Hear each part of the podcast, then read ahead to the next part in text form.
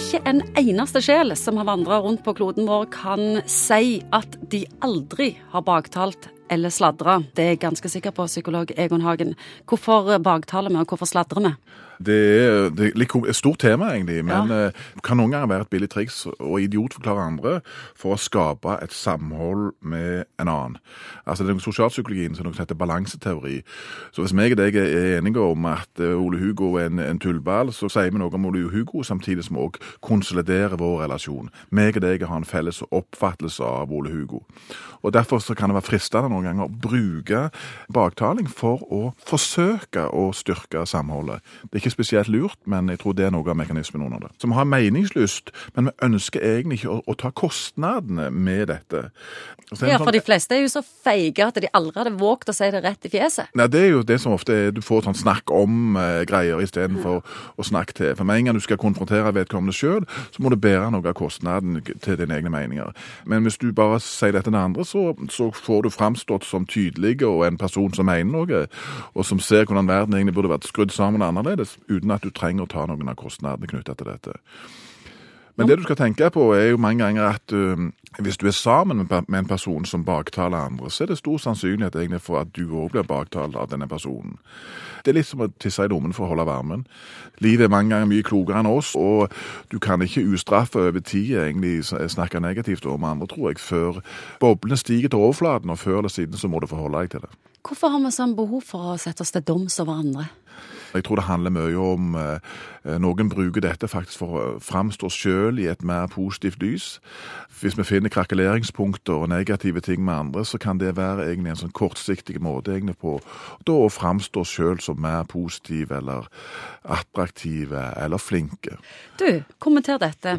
Kvinner reagerer med angst når de hører baktaling, mens menn føler mer frykt når de hører positivt snakk om andre. Det å høre at andre er strålende og fantastiske kan for noen trigge en idé om at de sjøl ikke er så, så kompetente, og at det kan utløse en sånn frykt for konkurranse. Mange ganger så ser vi jo at mange miljøer ikke får tatt ut det de kan, egentlig ledergrupper f.eks., for eksempel, fordi at det er to dominerende personer som unngår direkte konfrontasjon, og sånn sett ikke får brukt talentet sitt fordi de er redd for å gå i en hanekamp. Det å baktale det kan jo òg innebære mobbing og utfrysing, splitt og hersk i arbeidsmiljøet eller på skole. Og Ja, det er jo noen som er vanvittig gode på det, som er sånne, den type personer som greier å skape splid og sette folk opp mot hverandre uten at vedkommende selv kommer liksom i skuddlinja.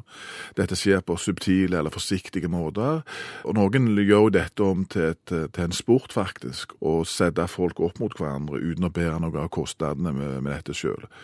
Og det er jo selvfølgelig veldig ødeleggende for de fleste arbeidsmiljø.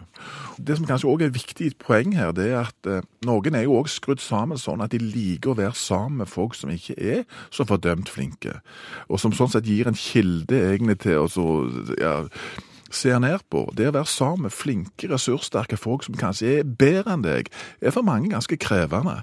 Og jeg har jobba i ganske mange miljøer hvor vi har forsøkt å få til hvordan skal vi lage en vinnerkultur hvor vi systematisk f.eks. ansetter folk i posisjoner under lederen som faktisk er bedre enn lederen, og som har kraften i seg faktisk til å gå enda lenger. Og det er en helt annen type miljø enn folk som liker å liksom litt være litt konge blant de enøyde, for det er det noen som liker. Hvordan stopper du baktaling? Hvordan reagerer du hvis noen kommer bort til deg og baktaler, og du ikke har lyst til å være med på det? Nei, det som hjelper, det jeg har gjort mange ganger i sånne miljøer, jeg har sagt at eh, kan vi lage noen spilleregler om hvordan vi skal ha det sammen? Og da ønsker vi å ha en snakk-til-kultur, ikke en snakk-om-kultur. Hvis du da opplever at allikevel så kommer det folk bort til deg og prøver å dra noen sånne gamle baktalingstriks, så vil jeg ha sagt, har du, har du snakket med vedkommende om dette sjøl?